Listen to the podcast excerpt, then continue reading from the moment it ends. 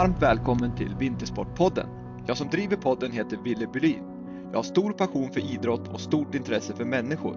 Att få möjligheten att samtala med de gäster som Vintersportpodden har är mycket utvecklande och inspirerande för mig. Mina år som aktiv alpinåkare på elitnivå har format mig en hel del. Jag får därför stor energi när jag får ta del av poddens gäster och deras liv och karriärer. Många gånger känner jag igen mig i deras historia. Jag hoppas och tror att ni som lyssnar kommer få en härlig, inspirerande och givande stund när ni lyssnar på detta avsnitt.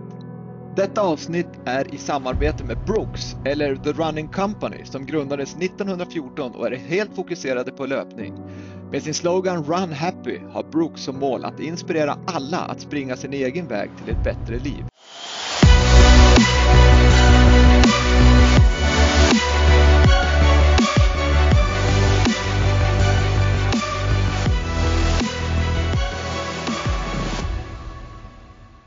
Dagens gäst i Vintersportpodden, nya Mästarnas Mästare, Mästaren André Myhrer. Varmt välkommen till Vintersportpodden André. Tack så mycket. Grymt kul att ha det här och otroligt färsk eh, senaste vinsten fast i en annan gren och nu den här gången var det Mästarnas Mästare. Det måste ha varit väldigt skönt att få vinna igen. Ja, men eller hur? Ja, men och, och bara få känna start, startpulsen och liksom känslan på start. Även om det var inte så länge sedan man la av så har man ändå saknat den. Så det var riktigt häftigt. Är det någonting som i din vardag som du känner att är det någonting jag saknar så är det den där pulsen på, på morgonen och på startlinjen? Ja, men det är just det. Precis innan start. Man känner att nu börjar det dra ihop sig liksom. Allt det andra är ju kanske inte något som jag saknas alldeles, alldeles för mycket, men just det där liksom. Man känner sig redo, förberedd, man har gjort allt. Mm. Och så är det bara att kasta sig ut. Den här klassiska André Myhrer slår i bröstet några gånger där innan du ska ge dig iväg. ja, men precis. Ja, men exakt det ögonblicket. Mm. Ja, det är härligt André. Grymt kul. Vi ska prata vidare om eh, både din karriär och eh, Mästarnas Mästare här senare. Först ska, ska lyssnarna få reda på lite grann, lite bakgrund kring dig och sen du var barn och vad du har gjort och så vidare kortfattat och sen kommer vi mer in på dig André. Mm. Men eh, du är född och uppvuxen i Bergsjö i Nordanstigs kommun. Du flyttade som 16-åring upp till Järpen för att studera på skidgymnasiet där. Eh, när karriären tog fart så flyttade du till Monaco. Eh, men när familjen bildades så valde du att flytta hem igen och denna gång till Hudiksvall där du även bor idag och är ambassadör för Hudiksvalls kommun. Du har numera tre barn och eh, fru Madeleine.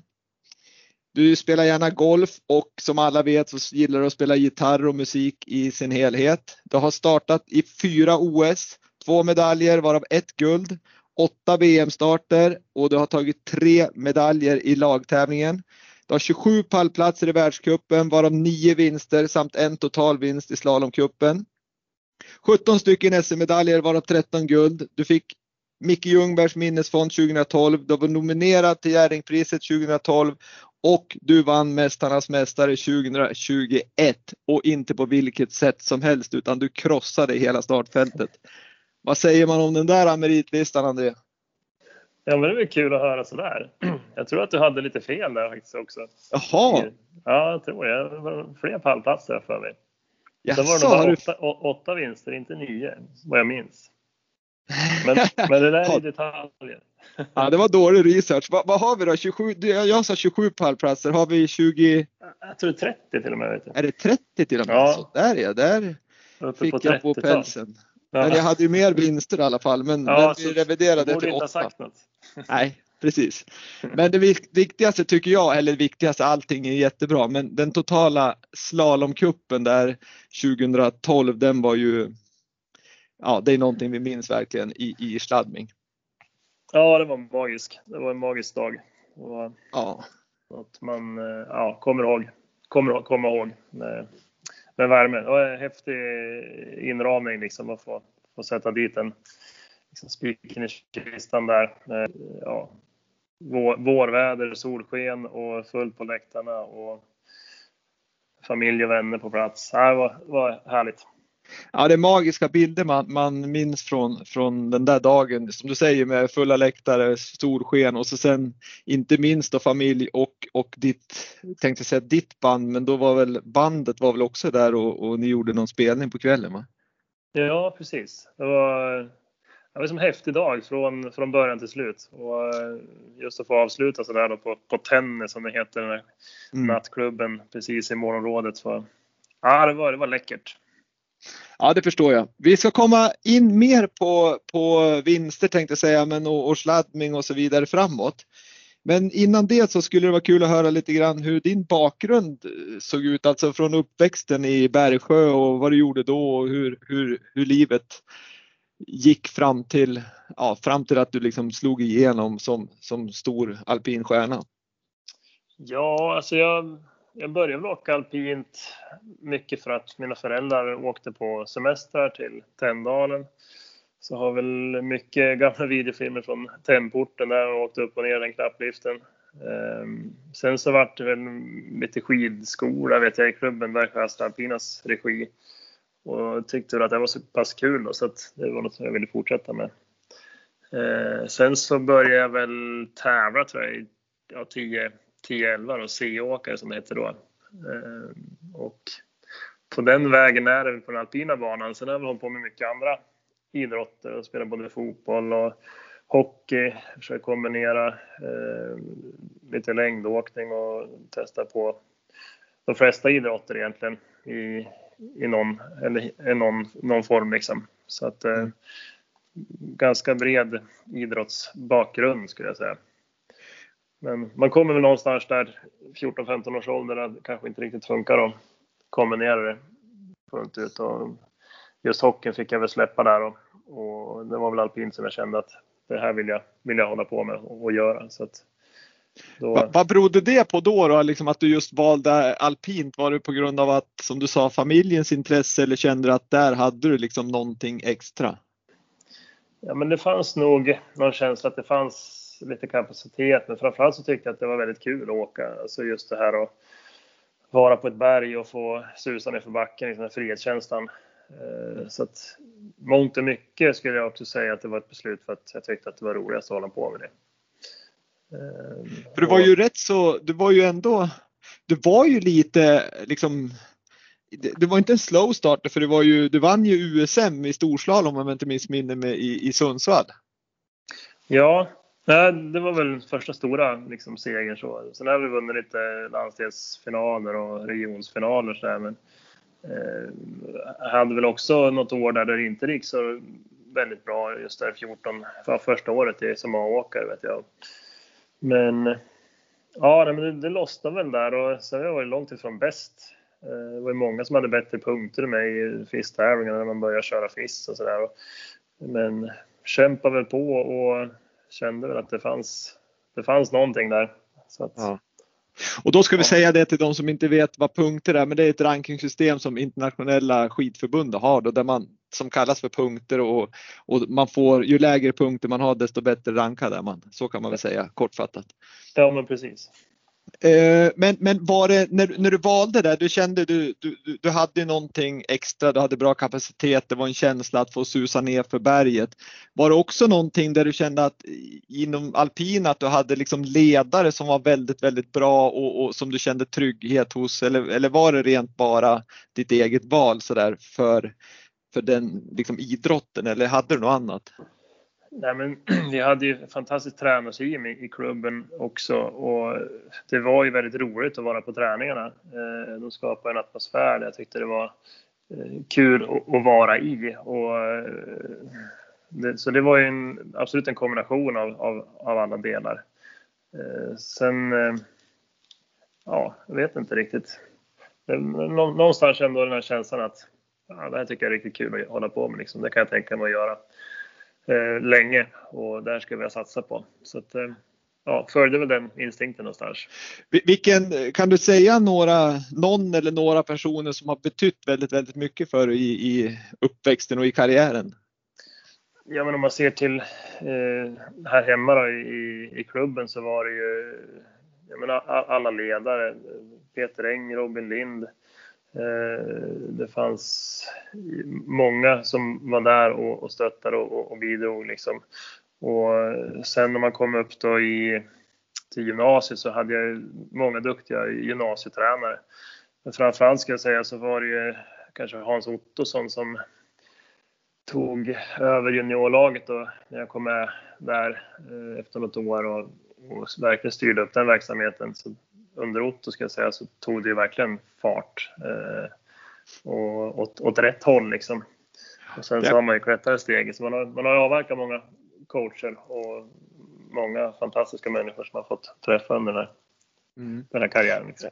Ja men det är kul att höra för jag, jag kommer ihåg när, när ni kom med i juniorlandslaget så var ni ett bra gäng och där med, med Hans Olsson och jag tror det var Byggmark också i samma veva va? Ja, alltså Niklas Reiner, John Bochar, eh, Andreas, Andreas Palm, Palm ja. precis, som var, är från Hälsingland och från Edsbyn. Och, så det var ju ett, ett bra drag liksom i, mm i juniorlaget och eh, alla ville slå alla andra. Så det var ju en väldigt bra konkurrenskraftig situation man befann sig där. Och jag tror att eh, vi drog med varandra åt, åt rätt håll. Liksom. Ja, det var kul. Jag, jag, jag, tror faktiskt André att jag var med på ditt första juniorlandslagsläger som, som tränare tillsammans med Otto, Hans Ottosson. Ja, i, i, i Juvas hytta och då minns jag att Otto sa då att eh, första lägren här, då ska vi bara lära dem att äta med kniv och gaffel, alltså det vill säga de här grunderna och, och liksom så här man beter sig. Jag kommer ihåg vi hade styrigt med kepsar på vissa, att de inte fick ha keps inomhus.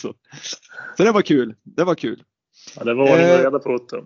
Jajamän, så är det. Men eh, under det där då, liksom, då är vi inne på juniorlandslaget, men innan juniorlandslaget så flyttade du då från, från Bergsjö och, och liksom, vad ska jag säga, den trygga miljön där, hemmaplan och träna med, med Robin och Peter och så sen skulle du upp till Järpen. Hur, hur var den flytten tyckte du?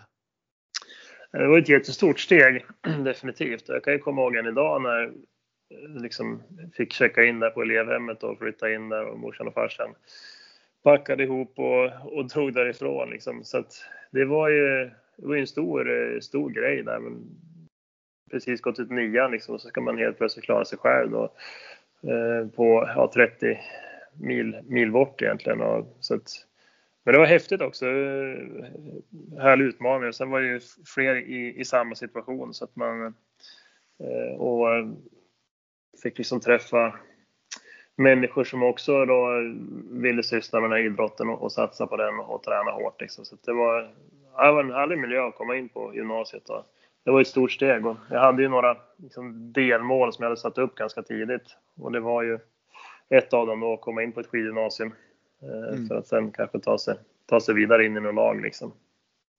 Men, men, om du som nu som är du förälder och du har liksom blivit äldre och du har stor erfarenhet av olika saker, både av skidåkning och livet. Men om, om dina barn nu skulle in på ett skidgymnasium eller ett idrottsgymnasium, hur, hur är det någonting du kan minnas som du, som du skulle vilja gjort annorlunda i förberedelsen för att komma in på ett skidgymnasium? Alltså, jag tänker då behöver det inte vara träningsmässigt, men att, att man förbereder sig rent psykiskt på vad som komma skall, att man blir lite ensam och Ja, alltså det är klart att det är en stor omställning och vissa klarar ju det säkert mycket bättre än, än andra.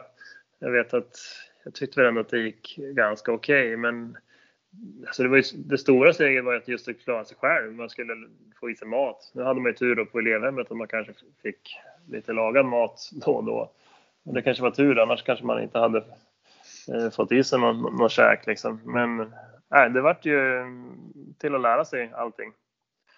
Eh, på ett bräde där och skulle tvättas. Och, men eh, det var nog nyttigt. Man fick ta ansvar och eh, liksom växa som, som människa också. Och mm. liksom komma ifrån kanske den lite tryggare miljön hemma då, där det mesta ofta var, var serverat.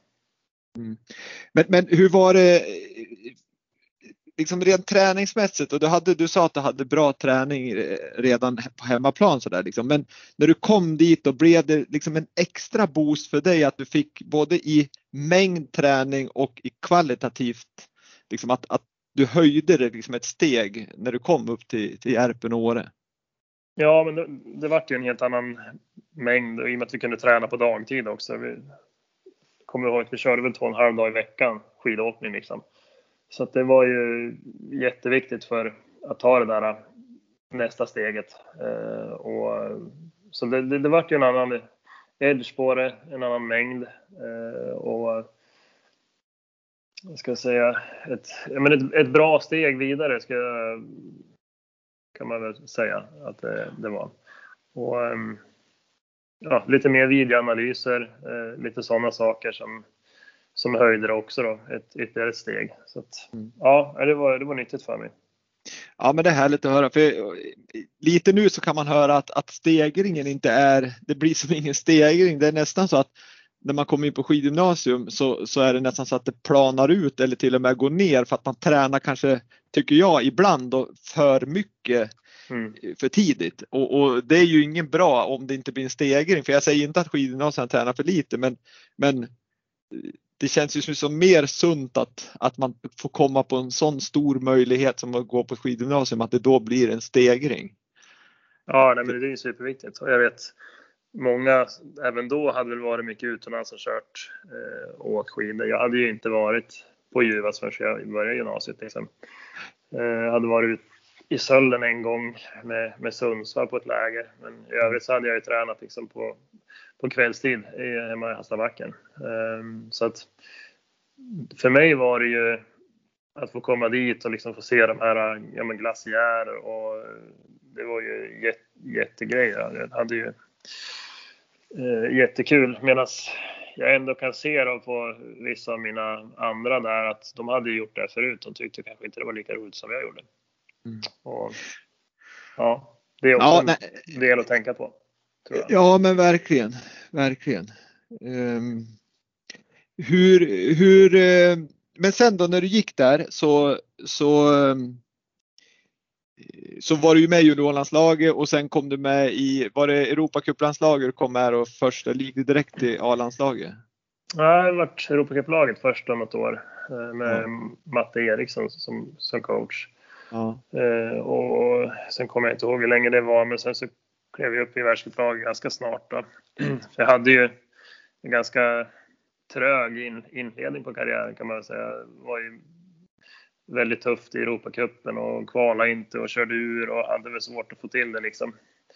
Men sen så lossnade det ganska snabbt och så lossnade det i världscupen och sen så nästan som jag klev liksom över Europacupsteget och gick rakt in i världscupen istället.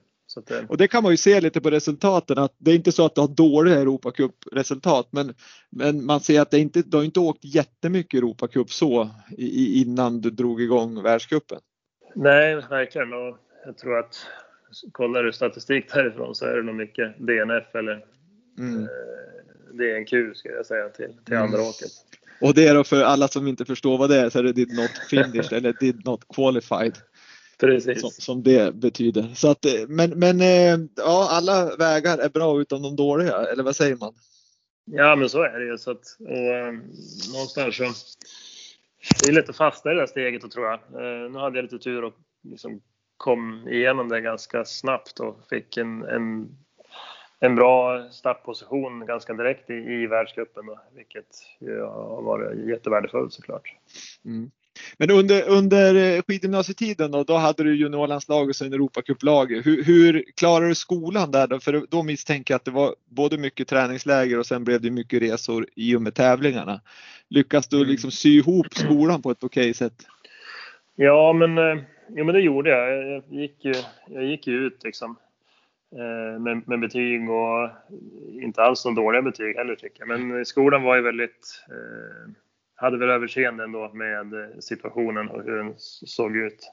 Mm. Uh, och jag hade väl varit väldigt noggrann med skolan, ska jag säga, i, ja, fram till nian då.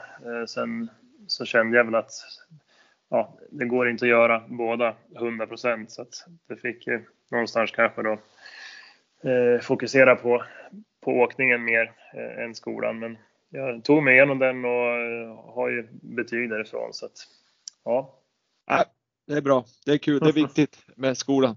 Men, men sen så tog det som fart där 2004 när du tog dina första poäng i, i, i uh, världscupen. Och mm. eh, ja, sen, sen rullar det på och, och då flyttade du till Monaco. Hur, hur, hur var det liksom? Och passar det bra att bo i Monaco samtidigt som man är alpin stjärna? Liksom det, kan, det är inte riktigt Monaco man tänker på när man tänker berg och snö direkt. Nej, nej så är det ju inte. Eh, men eh, det är ju inte så långt ifrån heller. Alltså många ställen där vi bedrev verksamheten var ju eh, det var i Schweiz på glaciärer där och där har du ju fyra och en halv timme ner till Monaco ungefär. Mm. Och skulle man då åka hem till Sverige så skulle man ju först ta sig till flygpass och sen skulle man flyga, flyga hem till Stockholm och så skulle man ta sig vidare där tre mm. timmar upp. Liksom. Så det var, det var ändå en, eh, ja, inte allt för långt ifrån, men eh, också en ganska härlig kontrast till just eh, skid, skidlivet liksom. Och få, ja, man, det var ganska varmt och skönt år, året runt. Så att, det var en härlig miljö att befinna sig i. Jag förstår det och, och som du säger så var det ju nästan så att du var hemma då när de andra liksom kom till flygplatsen för att jag menar fyra, fyra och en halv timme det är ju, det kan du ju ha till en flygplats också när, när du är där nere i Europa. Så att det, det förstår jag. Men sen, sen kanske det var rent ut sagt en, en, liksom en positiv grej att få komma ifrån mellan läger och tävlingar, att få komma dit och liksom ja, få tänka på något annat. Ja, men ladda lite batterier. Så att det, var, det var ett härligt miljöombyte, definitivt. Sen så fanns det ju andra positiva effekter av det också såklart, att bo, bo där. Mm. Och eh, ekonomiskt så var det väl också en, en, eh, en bra, eh, ett bra val ska jag säga. Så att, mm. Det ska man inte sticka under stolen med. Men jag, jag trivdes väldigt bra där nere och det säger jag och min fru också. Vi saknar saknar det idag. Det var liksom lite annat liv och lite enklare, enklare vardag kanske man kan säga. Men, men eh, det finns ju andra stjärnor som har bott kvar där, liksom, trots att de har tänkte säga, blivit idrottspensionärer och så vidare. Men du valde mm. att flytta hem du, innan du blev idrottspensionär, men, men när du fick barn och sådär. Men kände du då att du ville ändå bo i Sverige när du fick barn? Ja, alltså vi, vi bodde ju två år där med vår äldsta, då, två, tre år. Men kände väl efter ett tag att när jag drog iväg och eh, min fru och de hade varit, varit ensam där. Så det, ja, man, eh, man uppskattar just närheten till, till familj och, och, och, vänner och just när man får barn också så är det ju skönt att kunna få lite, lite avlastning ibland. Så det blev som en ohållbar situation för oss. Mm. Eh, och, och, hänga kvar. Vi kände väl också att det var dags liksom in i någon så här förskola. Eller, um, och ja, det, det, var dags att, att flytta hem och det föll sig ganska naturligt med att vårt kontrakt löpte ut också på en, på en lägenhet där. Så att, ja. då, då tog vi det beslutet. Ja, det var skönt att kanske komma hem till mor och farföräldrar och få lite stöd i vardagen i och med att du fortsatte åka. Ja, men precis. Och framförallt kanske för Maddes skull. Liksom, att mm ja, det var, ett, det var ett bra val tror jag av oss. Men vi, vi pratar just om det där med att få tänka på någonting annat när, när man liksom mellan tävlingar, mellan träningsläger och så vidare, att, att, att få slappna av i hjärnan lite och få ett annat fokus. En mm. annan sak som, som, som, har, som jag kan tänka mig har varit stor betydelse för det, det är musiken och du spelar ju väldigt, väldigt mycket gitarr och man har alltid hört talas om att du har med dig gitarren på resorna. Hur, hur, hur mycket har musiken betytt för dig just under karriären? Men det har ju varit en, en sån där liksom eh, ja, men, att kunna ventilera allt som har hänt. Eh, någonstans en liten tillflyktsort också, att kunna gå dit eh, och komma ifrån den här världen där det är ändå mycket press, mycket prestationsbaserat. Eh, och när jag hade musiken och liksom spela gitarr så kunde jag som koppla bort allt det eh, och bara befinna mig i, i den världen istället. Så det var mm, inte bara för kul heller utan verkligen just att kunna skifta fokus och, och, och tänka på någonting annat ett tag. Eh, och just komma ifrån den pressen. För det har jag också levt med liksom, dels pressen för sig själv och press från andra och press, press för att liksom prestera. Så att, eh, mm. ja, för mig var det väldigt ja, men en, en grej att kunna gå till när, när man kände för mycket sånt. Men hur, eh, hur när, när började du liksom spela musik då? Det var aldrig så att musiken, att det skulle ha kunnat bli ett val för du är ju väldigt duktig att spela. Eller hade liksom det alpina redan tagit fart när du började bli riktigt intresserad av gitarr?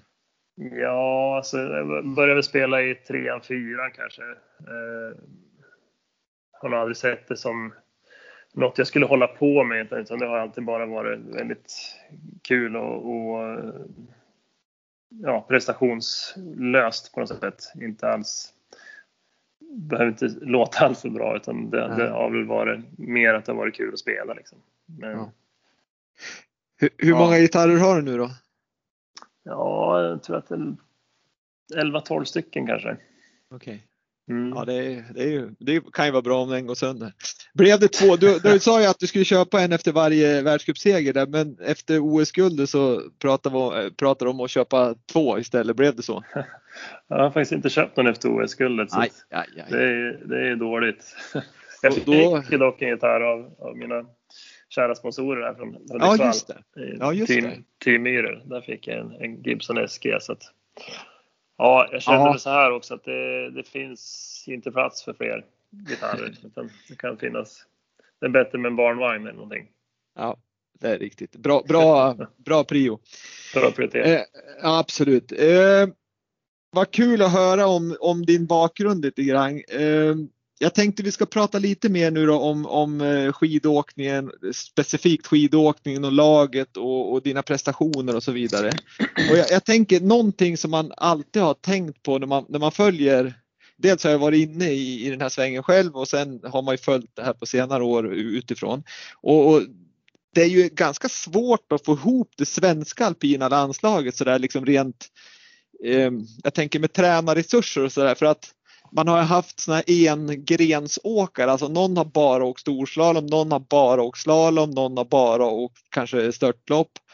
Och så sen mm. Eh, vet jag ju som där när du blev liksom lite kluven i mitten när du ville både satsa på storslalom och åka slalom. Så då hamnar du som i två olika team. Hur, hur var det liksom och hur påverkade det dig? Hur hade du själv liksom velat haft om du fick bestämma kanske man ska säga?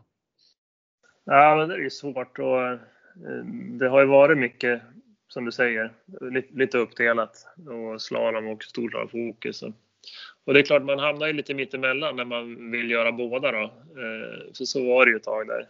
Eh, och, ja, men det, det var väl svårt. Jag tyckte upplevdes som svårast var att få till bra träning. När det blev fokus på två grenar så var det ju så mycket viktigare att en slalomträning eller en storslalomträning var väldigt bra kvalitet på. Eh, man kunde liksom inte eh, ge bort massa pass för att eh, yttre omständigheterna inte var där.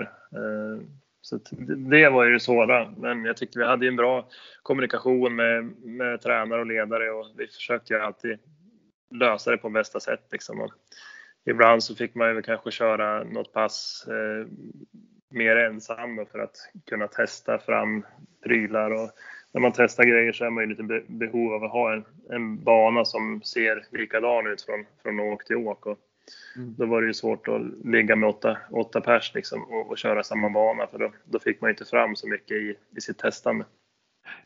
Så det var väl de utmaningarna man ställdes lite eh, inför då. Eh, och, så att, ja, det är inte helt lätt att få ihop ett, ett landslag. Sen har man en budget att förhålla sig till liksom också. Så att, mm. ja, du, du vet ju att det ja.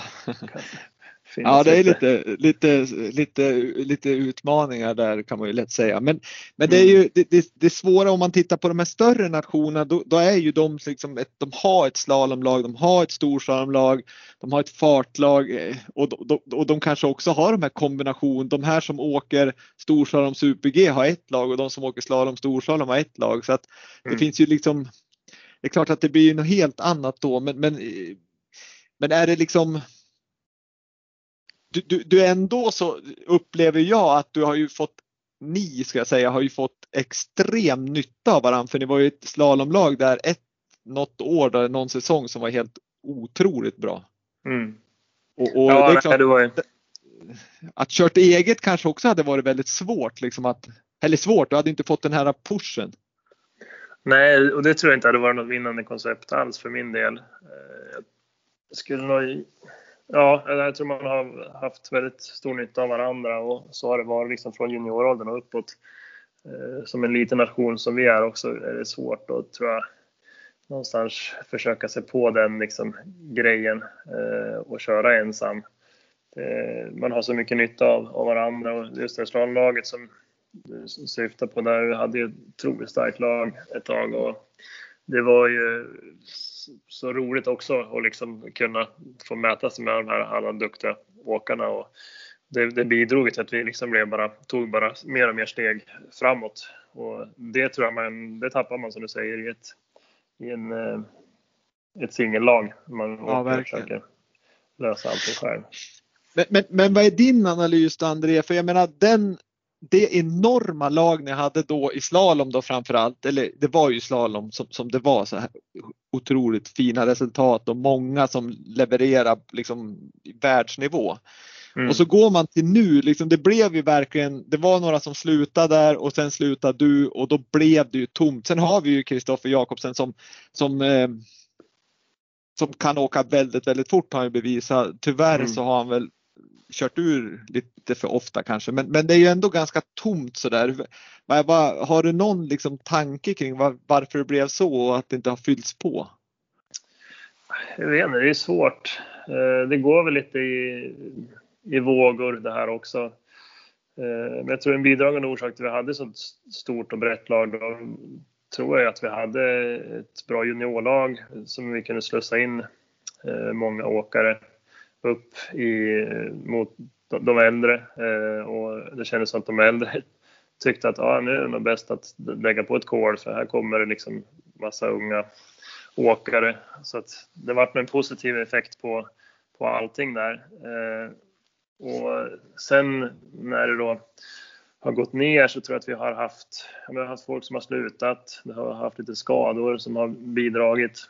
Sen har vi haft några åkare som kanske var den här bryggan från den äldre generationen till den yngre generationen som eh, av olika anledningar valde att sluta.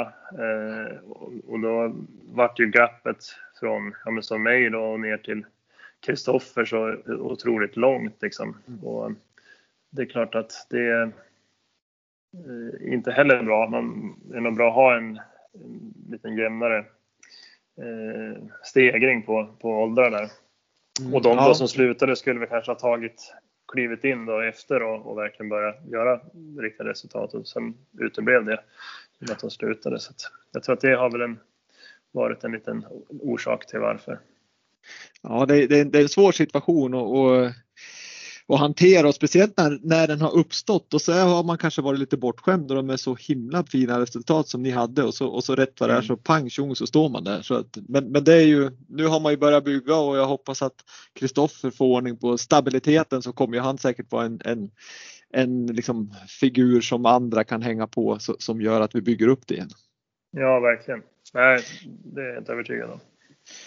Härligt André, men om vi, om vi tittar på din jättefina karriär här så är det någon, någon tävlingsort som du verkligen känner så här Wow, det, den här är liksom the shit, det här kommer jag ihåg, det här är orten med stort O. Ja, alltså åker man slalom så är det ju det är svårt att komma ifrån sladdning och eh, Kitzbühel egentligen också. Sen var min favorit alltid sladdning. Just för att vi hade kvällsrace där. Eh, Eh, det, har man inte upplevt det så ska man åka ner och, och kolla på den tävlingen för det, det är häftigt. Häftig ja, det är otrolig inramning. Man går i mål på torget där som det är 50 000 personer som är helt galen. Ja. Kvällstävling. Så det är härligt. Men, men om, om jag säger så här då, jag hade ju faktiskt räknat med att du skulle säga sladdming. Men kan ja. du nämna fyra saker som har hänt i sladdming i din karriär? Fyra viktiga saker. saker. Fyra viktiga ja. saker om man säger. Ja men där har jag ju tagit hem kuppen 2012. Totalvinnare 2012. Precis. Eh, där har jag också tagit min första pallplats. 2005. 2005 stämmer, tredje plats. Eh, har vi gjort mer i sladdning då? Eh, två kvar. två kvar. Ja, jag vet att jag har varit nära att vinna en till ja, kvällsracet där också ett år. Men Hargin var trea faktiskt på det racet. Ja, fast jag tänker på någon annan här. Ja. Det, det är en väldigt bra start, eh, liksom din uppstart ja, i din karriär. Ja, precis. Ja, men det stämmer. Jag, det var mina första världshuspoäng också. Yes, 13 plats 2004. Stämmer. Och sen gjorde du någonting mer där 2013? Ja, det var väl ett VM, en VM-medalj, VM-silver yes. i lag. I, i lag. Mm. Så jag förstod, jag, även om det tog lite tid för att komma på de två sista så, så, så var det ändå, jag förstår att det är dels på grund av stämningen men, men det, har ju, det har ju verkligen vissa liksom milstolpar i din karriär som, som har hänt där. Och, och det måste ju vara en härlig, härligt att liksom, tänka på. Men är det, någon, är det någonting du tänker på nu att fast jag vill åka till Sladving och bara, om jag får säga, vara turist och, och få uppleva atmosfären igen? Ja, alltså det är ett härligt skidområde, absolut. Eh, sen som turist kanske jag inte skulle ha valt just Flamming. Men eh, det hade ju varit fantastiskt att åka ner dit igen och kolla på någon kvällsrace och kanske ställa sig i publiken istället och känna på den stämningen. Eh, så det ska jag nog göra när det, när det tillåts säga igen. Ja, det tycker jag du ska göra för jag kan, jag kan säga att jag har gjort det och, och är det är riktig ståpäls när man, när man står där och speciellt när, när du åkte också då, och, och de andra så, så var det ju liksom ytterligare en dimension på det. Ja. Eh, men, men, sen då så, så har vi ju jättemånga fina världscupsplaceringar eh, såklart. Men, men tittar vi då så har vi ju det har varit med fyra stycken OS. Det var börja 2006 i Turin och så 2010 i Vancouver, 2014 Sochi och 2018 i Korea. Och mm. det har ju dels då så kommer vi ihåg eh, guldet från Korea naturligtvis. Vi kommer ihåg tredjeplatsen från Vancouver och sen så ska vi veta att du var ju grymt nära att få medalj i Turin 2006. Och sen mm. Eh, kan vi nog också minnas 2010, 14 där i Sochi vad som, vad som hände där när du hade liksom världens slagläge. Det var en herre eh, från Kroatien som hade stakat banan och, och du Ja, jag vet inte vad som hände där men du, du, i, min, i min värld så stoppade du huvudet under armen och drog en chansning och så, och så körde du ur i en hårnål där. Men, men hur, berätta om OS som, som, som, liksom, som Turin där när du var eh, nära att ta medalj. Hur, hur kände du då? Ja men Turin var ju det är häftigt på många sätt. Det första OS och en stor dröm såklart att få, få komma dit och stå där på startlinjen. Och sen när det var så nära då medalj så var det ju, det var, var ju snöpligt såklart, men samtidigt eh, häftigt att få vara fyra i sitt första OS så 300 från medalj. Um, ehm. Åkte du därifrån med bitter smak så här, fan också, det var nära medalj eller var det mer att du var taggad och, och kände att det var ett fint resultat? Ja, men lite både och. Det är klart att man hade gärna haft den där medaljen med sig därifrån, men samtidigt så tror jag det tände någonting mer också. Eh, och liksom en vilja att, ja men nu var så här nära, nu ska vi liksom ge det här en riktig chans under fyra år och sen så ska vi stå där igen i nästa OS och, och slåss om de medaljerna. Och då ska det gå hela vägen liksom. Eh, så att det var nog både, både positivt och, och, och lite, lite tufft att vara så nära. Och sen kom vi till Vancouver, då, då hade du ju ett, ja, jag ska inte säga dåligt första åk, men det var väl, det var ju inte topp då, utan det var ju andra åkare som det var helt brutalt bra som, som gjorde då att du knep den där bronsmedaljen. Hur, hur var den känslan då? då?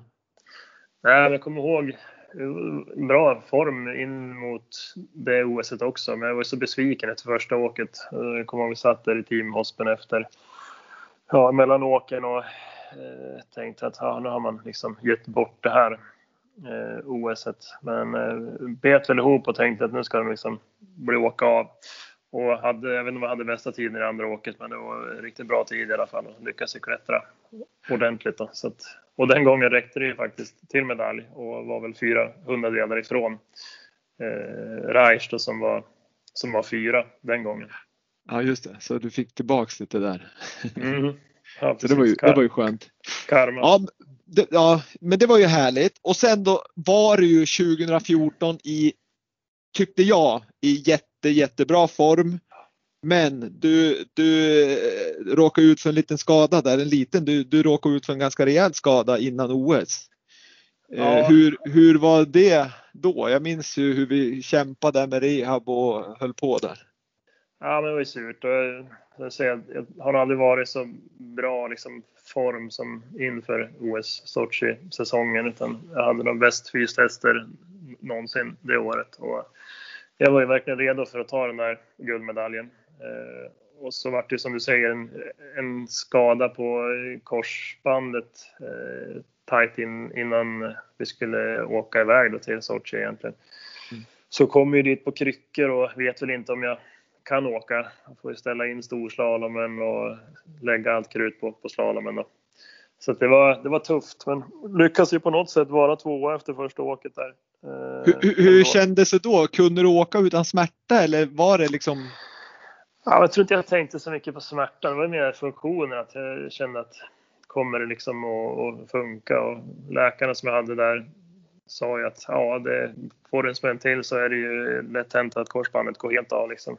Ja. För då hade vi också sett att det hade gått en liten bunt på korsbandet när vi fick ta en till MR-kamera i Sochi. Då. Eh, för det hade man inte sett i Norge där vi var och tränade. Men eh, ja, jag kände väl att ja, jag, jag vet inte om jag får en sån här chans igen, så, så det är klart jag, jag ville köra. Och lyckas vara tvåa efter första åket. Eh, och, och, så kom Ante in eh, med buller och brak och satte den där härliga eh, banan. Och då ska vi säga att Ante då, det är Ante Kostelic som var känd i, i hela världskuppen att sätta banor som, jag, jag vet inte om, om hans liksom, mål med bansättningen var att sätta det så konstigt som möjligt så, så, att så många som möjligt skulle köra ur. Jag vet inte vad, vad syftet var. Har du fått den förklaringen någon gång? Ja, alltså jag, jag vet inte. Han, han ville ju skapa jag tror dels en liten fördel då för Ivica som, som var duktig på, på svåra passager och sådär. Och sen tyckte han att det var lite för lätt, eh, många banor på den tiden och, och ville väl gå helt åt andra hållet. Då. Och sen har han, han har influerat många eh, och det finns många bansättare efter honom som liksom man ser har tagit efter. Men, men, men, hur står du där? Du, du vet att Ante, du ligger tvåa, du vet att Ante Kostelic har satt banan. Du ser att det är åkare på åkare som kör ur, de missar just i den där porten för det var väldigt, väldigt trång, alltså tight hårnår där. Vad fick du för, liksom, du måste ju ha fått otroligt mycket banrapporter upp till start. Ja, men det var mycket info den dagen och jag tror det är, det är enda gången som jag aldrig, eller som jag inte har kunnat få in en bana i huvudet under en besiktning. Ah. Så andra åket brukar det vara lite kortare besiktningstid också, eh, vanligtvis. Men eh, nej, jag, jag, fick ju inte in banan och, och där blev jag ju liksom störd redan där, ska jag säga. Och vanligtvis så kan jag ju banan utan och innan och vet precis hur jag ska åka. Men just den här banan så fick jag inte till det liksom. Och fick ju hoppa över sista 20 käpparna egentligen och bara dra rakt ner för att annars hade jag liksom besiktat för länge. Att... Var, det på grund av att han var så himla krånglig liksom som du, du, fick? Ja, men lite så. Jag tror att jag hängde alltid upp det på kombinationer och eh, jag hade visst antal käppar innan en kombination och visste att i den tredje käppen efter den kombinationen så ska jag åka så här. Men här var det ju kombinationer och, och åt alla håll. Så det, man fick ju som ingen rytm i, i, eh, i banan och ingen, inga referenser riktigt att hänga upp det på. Utan det var liksom kombination efter kombination. Och det, ja, det var, var svårt. Och i och med att det kanske var första gången man ställdes inför den så vart det extra eh, känsligt också. Då. Ja, för då, då minns jag att efter det så drog du en rejäl kommentar där du inte sa de vackraste orden om Ante Kostelic i, i tv-sändning som du sen naturligtvis har gått ut och, och bett om ursäkt för. Men, men jag vet ju också då att det blev lite jakt på dig så att du slutade med att, att du fick stänga ner Facebook-sidan. Ja, men det var, det var väl både det ena och det andra som skrevs där. Och jag var väl inte så välkommen i Kroatien Eh, och nästa gång jag skulle komma dit så skulle det ske både det ena och det andra. Så att, nej, det, var ju, det var ju inte kul alls utan det var lite, lite obehagligt nästan, vissa kommentarer där. Men jag kände väl också ganska snabbt att fan, det där vart inte, vart inte bra liksom. Så eh, jag tog väl kontakt med Ivica ganska snabbt där efteråt och, och pratade ut om det. Så att jag tror att vi har, vi har snackat, snackat ja, om det liksom. Men äh, det, var, det var inget roligt. Det var tuff, äh, tuff tid där i målfållan. Jag kommer ihåg vår medieansvarig eh, Peter Albersson som han heter var då eh, sa väl att ja, men du kanske ska lugna ner dig lite grann innan du går ut i mixade zonen. Då. Och det hade han ju helt rätt i. För att det kom ju ingenting bra utav, utav det. Utan, men, men, du lydde inte hans råd utan du gick snabbare än vad du skulle? Ja, ja. ja jag gick ju rakt ut i det där. Och, nej, ja. det vart, vart ju inte bra någonstans. Så det är någonting jag ångrar väldigt mycket idag. Ja, men det är ju stort av det, eller ja, liksom att du har ändå pratat ut om det och, och, och, allt kan ju komma när man är upprörd så att säga. Men, men sen då så, så blev det ju igen, eller liksom du, du hade det där och så sen var det ju VM 2015 och så sen blev det VM 2017 där du liksom hade problem med, då var det ryggen du hade problem med va? Och ja där, du fick, där fick man ju också göra något, liksom, liksom, om vi håller oss till OS då som kommer 2018. Men du började redan 2017 med, med ganska liksom strikt rehabprogram där du var vet jag i Åre under lång tid och körde rehab liksom, strukturerat nästan hela dagarna tillsammans med, med, med killen där uppe som, som ansvarar för rehaben för, för landslaget. Hur, hur liksom äh, var det nära då att fasiken nu är det nästan över? Ja, men det har man ju känt många gånger just med ryggen liksom att eh, man, ja, man sliter med träningen och försöker få, få till det liksom, men så sätter det stopp. Eh, eller kroppen sätter stopp och i mitt fall har det varit ryggen då. Så det har ju varit perioder där man känt att nej, nu ger jag upp där liksom. Jag orkar inte hålla på och få till det här hela tiden. Men vi gjorde väl en eh, rejäl satsning där redan ja, 2017 då Eh, på det här för att skulle vi inte få till det så, så, skulle jag inte kunna åka vidare. Det var ungefär så det kändes. Men eh, tack vare Johan, eh, Jonas Enqvist så fick vi ändå till det skapligt ska jag säga och vi hittade väl verktyg där jag kunde någonstans kontrollera eller ha lite mer koll på ryggens status eh, via den rehab vi gjorde då. Och så att jag är jättetacksam för den, den tiden och den tid som Jonas la ner på de där träningsprogrammen. Och jag ändrade väl om ganska mycket i min, i min träning de där sista åren, eh, vilket var, var bra för mig tror jag, för, för ryggen. Och eh, det är jag glad för idag, att vi la ner den tiden som, som behövdes liksom. Ja, det förstår jag. Men, men sen då när du kom in mot OS 2018, kände du då att då var du i form igen liksom, eller hade du problem även liksom när du skulle ladda för 2018 VM mm. eller OS? Ja, men det var väl 17 framför allt som var riktigt dåligt. Eh, och just under VM-perioden här så hade jag ju, fick jag stå över några race inför VM och jag har ju inte stått över många världscuprace under min 16-åriga världscupkarriär tror jag, så det var ju riktigt surt. Men eh, inför OS om man säger så var det Ja, men jag tyckte jag hade ändå bra åkning. Men sen kommer jag ihåg när vi kom då till Korea så var det ju svår snö, svårt underlag. Vi fick inte alls till eh, utrustningen. Jag vet eh, de vi åkte med åkte ifrån mig ordentligt och hade väl inte något så här jättesjälvförtroende Eh, de här sista dagarna in mot race. Men sen så kom vi, kom vi fram till en sak på utrustningen som vände lite grann och sen tyckte jag det liksom hitta någon ljusglimt i, i den där beslutet vi tog då och sen så körde vi på det. Och, ja. och det blev ju succé. Eh, hur, hur, om du beskriver den där dagen, liksom, att vinna ett OS-guld, det är liksom det största en idrottsman och kvinna kan göra det. Men hur förstod du det liksom, eller var det något helt overkligt? Nej men det var ju, jo men förstod gjorde man nog, men det gick ju som i ett från, alltså i, från målgången och framåt. Eh, det var media och det var prisutdelningar och iväg på det ena och det andra. Eh, så så det var väl först liksom på kvällen när man la sig i sängen och hade den där medaljen eh, vid nattduksbordet liksom, som man liksom sjönk in riktigt och kunde landa i det där och verkligen bara kolla på medaljen och, och, och känna att ja, fasen, man lyckades faktiskt göra det där som man har kämpat under det kan ju nästan inte ha blivit någon, tid. Liksom. Ja, men det kan ju nästan inte ha blivit någon sömn den natten för jag, skulle jag haft en OS-guldmedalj bredvid mig så tror jag att jag hade mest legat och kollat på den hela natten. ja, nej men det var, det var en fantastisk dag och hade det inte varit teamtävling eh, senare i, i veckan där så hade man nog kunnat fira rejält tror jag. Mm. Ja just det, för det är det som är just det här med idrotten och, och mästerskap att, att det kommer ju någon ny tävling oftast en eller två dagar efter så det är ju bara upp igen dagen efter och träna liksom. Så det är ju li, li, lite speciellt.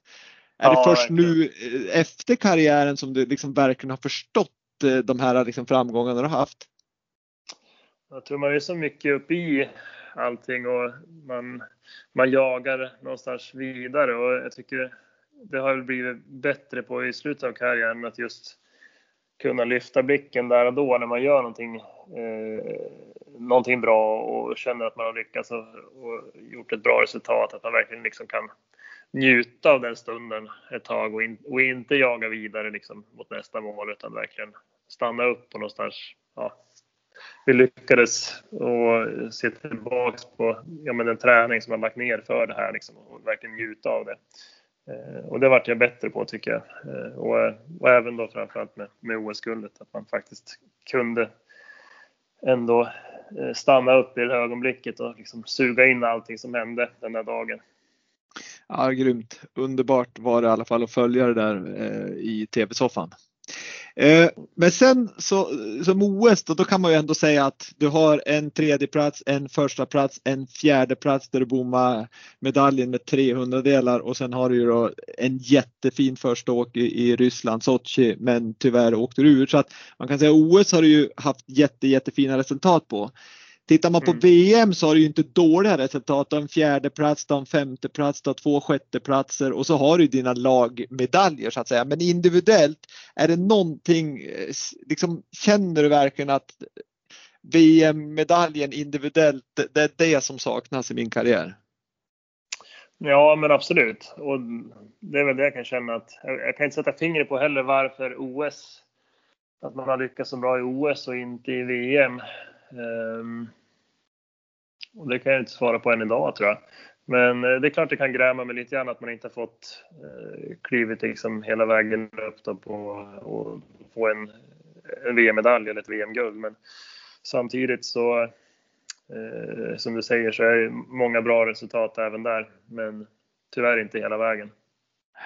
Men, men eh, var det liksom inför, jag tänker Åre-VM 2019, hade du liksom Kände du där att nu jäklar, det är nu det händer liksom? Eller, eller kände du att hade du för stora problem inför VM? Nej, men det kändes väl ändå som att det fanns goda chanser liksom. Och det är klart man, man ville ju otroligt mycket. Eh, 2007 då, där man, ja, då hade jag precis slagit igenom och vunnit ett race eh, det året och komma hem och, och ska köra VM liksom, på hemmaplan i Åre. Då hade man ju otroligt stora förhoppningar och, och, men lyckades inte alls. Jag körde ur i, i, den tävlingen. Och man, man hade ju någon sorts lite revanschlusta efter det också och kunna liksom ja, fick en chans till att köra ett VM på hemmaplan igen. Men ja, tyvärr så fick jag inte riktigt till det på, på det sätt som, som behövdes den dagen. Det var, det var ett tufft race och tyvärr så fick man inte riktigt eh, kliva hela vägen upp där då. Det hade ju varit magiskt att gjort det i år. Ja, verkligen. Det, det förstår jag ju på hemmaplan och så just som du sa, du saknar en, egentligen en sak, det är en medalj från, individuellt från VM. Så det mm. förstår jag. Men, men sen då så blev det ju jäkligt speciellt här. Du valde ändå, då liksom, eller valde, du bestämde dig för att satsa ett år till. Um, och det året skulle bli ditt sista och du skulle liksom verkligen få åka runt på de här härliga orterna i Europa och, och suga in atmosfären, ta dina sista, tänkte jag säga, men liksom verkligen få uppleva det här en, en sista gång kanske under mer liksom harmoniska former om man säger så, när du blir äldre och du kan reflektera mer och, och sådär.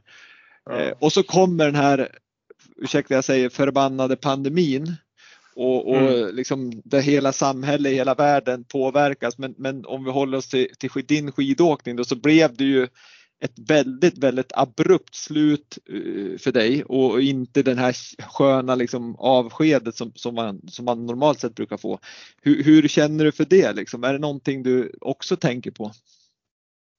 Ja, alltså jag, har nog, jag var ganska besviken där och då att, att det blev som det blev. Sen kan man inte liksom ifrågasätta eh, besluten. Det var ju rätta beslut, men det tog inte bort liksom det eh, känslan att man liksom blev lite snuvad på att ta sitt sista åk. Och, eh, jag tror, med lite distans så kommer man kanske inte gräma sig allt för mycket över det där, men jag tycker det kan gräma mig lite för att jag var i väldigt bra form. Jag hade haft en svacka mitt på säsongen men började liksom jobba mig in i, i den igen. Och, eh, hade ju haft min servicekille och, och, och teamet träna i, i Sundsvall och, och Björn Rike och, och, kände liksom att farten fanns där. Och jag, jag har alltid sett framför mig att min sista race ska jag verkligen gå för att vinna. Eh, och slänga ut skidorna i publiken liksom och gå därifrån. Det var liksom målbilden. Men jag fick som inte ens chansen och jag kände faktiskt att chansen fanns där. Eh, för det kan ju vara så också man slutar och, och, och känner att nej, men det, jag har inte en chans att vinna ändå. Men jag känner ändå att jag slutade någonstans på, på topp. Eh, och, men fick inte riktigt chansen att visa det, tyvärr. Nej, det, var, det, det var lite surt kanske. Ja, det kanske var lite surt. Men så här med facit i hand så var det inte det som avgjorde hela, hela karriären utan man får vara nöjd för de prestationer och den tid man fått i, i, i den här idrotten. Liksom. Ja, och, och, och, eh, precis, det har ju otroliga resultat och så sen får man ju sätta det här i perspektiv då till, till vad den här pandemin har, har, tagit vägen, att det har ju fått ett otroligt samhälls Exakt. påverkan så att, så att i det stora hela så är det en liten sak egentligen men, men för individen så här och då så, så kan det ju självklart vara frustrerande. Ja, nej men precis men, så är det. Men vi har inte sådär supermycket kvar André. Eh, vi har några saker som jag verkligen vill eh, ta upp med dig och, och den ena då, den första saken det är ju dina liksom prestationer från egentligen du var ungdom och du, vi har gått igenom det. Du har dina OS-medaljer, OS-guld och lag-VM och, och världscupsegrar och, och liksom ja, du har ju jättefina prestationer och man ser verkligen på dig hur fokuserad du är. Men vad är det som gör din personlighet? Vad, vad är det som är så unikt med dig som gör att du blev så framgångsrik? Jag vet inte om det är så mycket unikt med mig, men, um, men det jag tror jag har haft, det är väl någonstans en uh, väldig målmedvetenhet i det jag har hållit på med. Uh, målmedvetenhet och fokus. Um, ja. Men sen upplever jag dig som, alltså du är ju ja, målmedveten och, och fokuserad, absolut, men du är ju otroligt ödmjuk. Men är det någonstans ändå att du är väldigt ödmjuk och, och du är ju liksom väldigt liksom schysst kille liksom. Men är det när det bränner till där och när det, när det gäller då, då är det liksom här, du och vad du ska göra som gäller, då, då kan du liksom stänga av det här liksom att du ska vara schysst med alla tänkte jag säga. Ja, det var kanske därför jag valde en eh, individuell idrott för att jag hade som ingen att tampas med vid sidan av där utan man kunde liksom fokusera på, på eh, sin prestation och sen hade man en klocka som, som avgjorde om man var bättre eller sämre än någon annan. Man behövde liksom inte gå in och tacklas eller eh, köra över någon liksom, utan man fick mm men ja. ja jag, jag hör vad du säger och förstår vad du menar. Men, och det, det kan man väl, ja det är sant att du tycker att, att jag uppför mig på det sättet. Men jag tror att i tävlingssituation så har du väl liksom kunnat tagit bort det där och fått det brunna till. Jag älskar att tävla liksom. Ja, det ser man ju i blicken där på start. Och, och, och, det är ju liksom lite det som, som, som jag tycker är så skönt liksom att du är den kille du är men när man ser på start då, då ser man verkligen att blicken finns där. Och det har ju liksom hela svenska folket fått återuppleva här med Mästarnas Mästare där du sopar banan totalt med dem. Eh, jag vet att eh, på en av våra kvällstidningar finns det en, en journalist som heter Kristoffer Bergström som, som, som skrev att det liksom, du är bäst genom tiderna i Mästarnas Mästare överlägset bäst. Och, och, då är det ändå sådana som Foppa Stenes, Magda Elofsson, eh, Mik Michael Tornéus med flera med flera som har varit med. Och jag kan nog bara hålla med med Kristoffer här att det var ju totalt, totalt överlägsen. Hur, hur, hur var det att vara med på Mästarnas Mästare? Nej, men det var jättekul. Alltså, jag hade ju två fantastiska veckor där nere i, i, i Skåne och det var ja, men fantastiska människor. Eh, otroligt kul att få ta del av deras karriärer och få Jaha, där fick vi ett avbrott. André fick soppatorsk på telefon så vi fortsätter där med Mästarnas Mästare och vi var inne på att du tyckte det var väldigt kul att vara på plats där med fantastiska människor. Ska vi fortsätta där? Ja men absolut. Jag ber om ursäkt för det.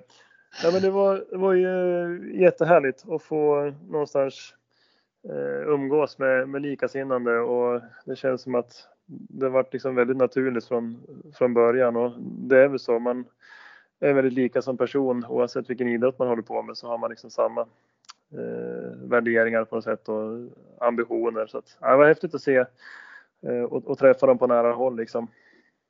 Ja, jag, jag, har förstått att det är väldigt, väldigt härligt, men samtidigt så jag, jag har pratat med några andra i, i den här podden som, som har varit, varit med på Mästarnas Mästare och de beskriver ändå som en, en, en ja, två veckor som, som är ganska liksom, de är tufft, det, de var nervösa och det var ganska jobbiga tävlingar. Så där. Hur, hur upplevde du det? Kände du också att det fanns en viss här, eh, nervositet?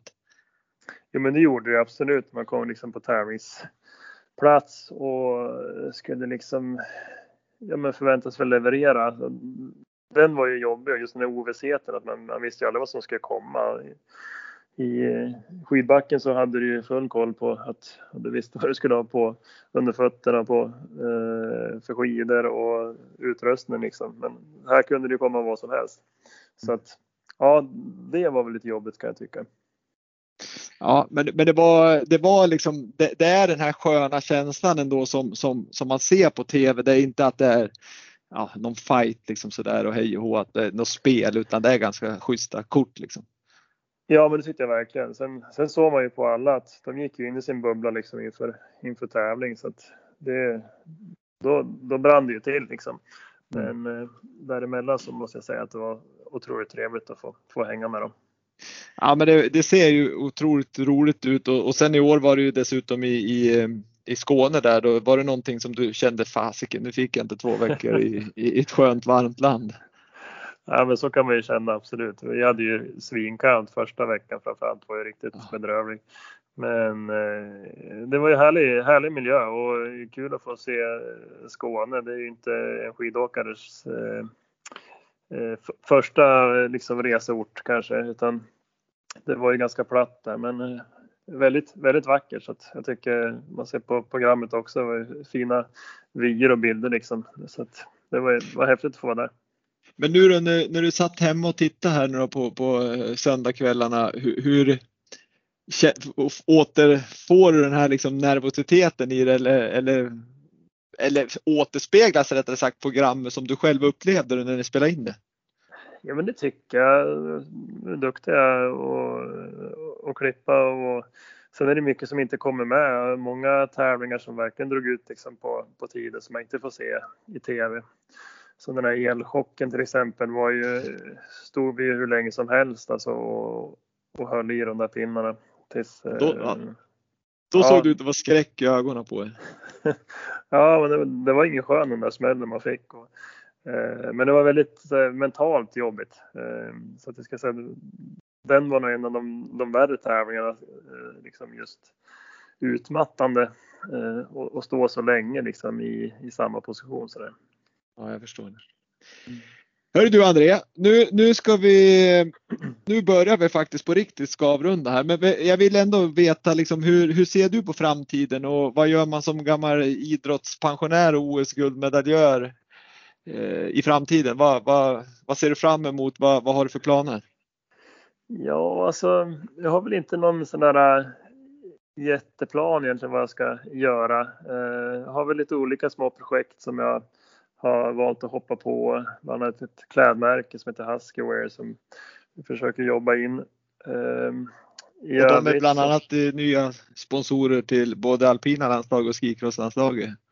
Ja, precis. Så det har ju gått jättefort verkligen från, från 0 till 100 på, på ett år. Och, så det är jättehäftigt att få vara med på, på den resan. Mm.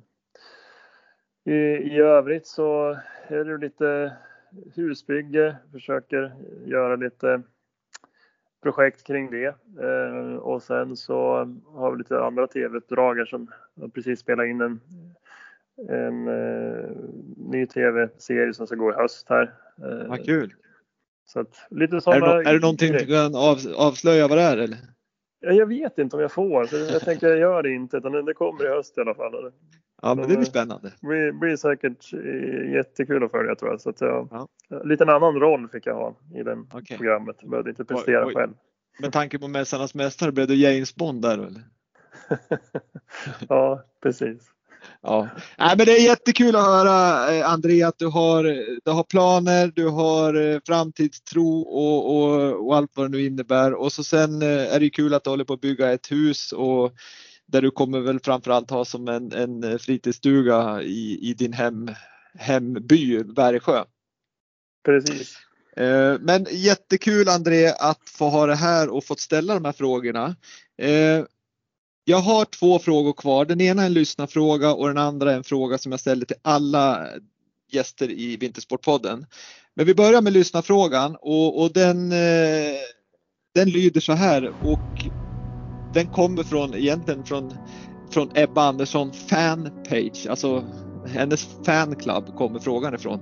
Okay. Och den, den lyder så här, vilken tävling på Mästarnas Mästare var roligast? Uh, vilken tävling var roligast?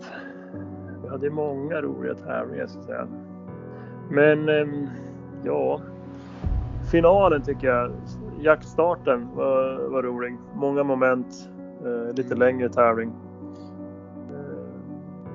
Ja, ja den, den såg ju kul ut och ganska jobbig och, faktiskt. Ja, men man fick lite puls liksom. Så att, ja. ja men den, den, var, den, var, den var kul att göra. Synd att du inte var i bild så ofta bara för att utklassa den så mycket. ja, får vara snäll. Ja, ja.